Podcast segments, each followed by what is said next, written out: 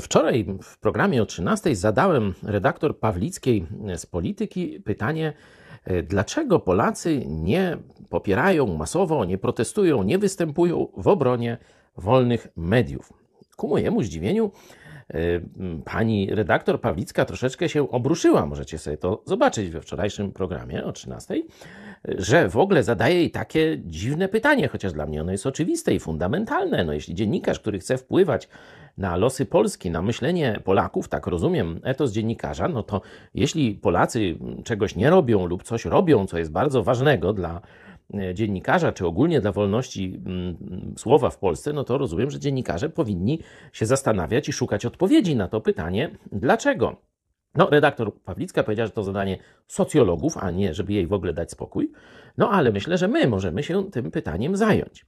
I kiedy ja sobie na nie odpowiadam, to idę w dwóch kierunkach. Po pierwsze, Polacy tych mediów, które widzą, które zostały tam, można powiedzieć tak, zadane e, po okrągłym stole przez biskupów katolickich i tam ich komunistycznych kolegów, nie? czyli w, w ramach tej, tego porozumienia i tej tak zwanej wolnej Polski trzeciej RP, że oni tych mediów, Polacy, nie traktują jako swoje, jako wolne, jako rzeczywiście niezależne, jako mówiące prawdę, jako uczciwe i tak dalej, i tak dalej.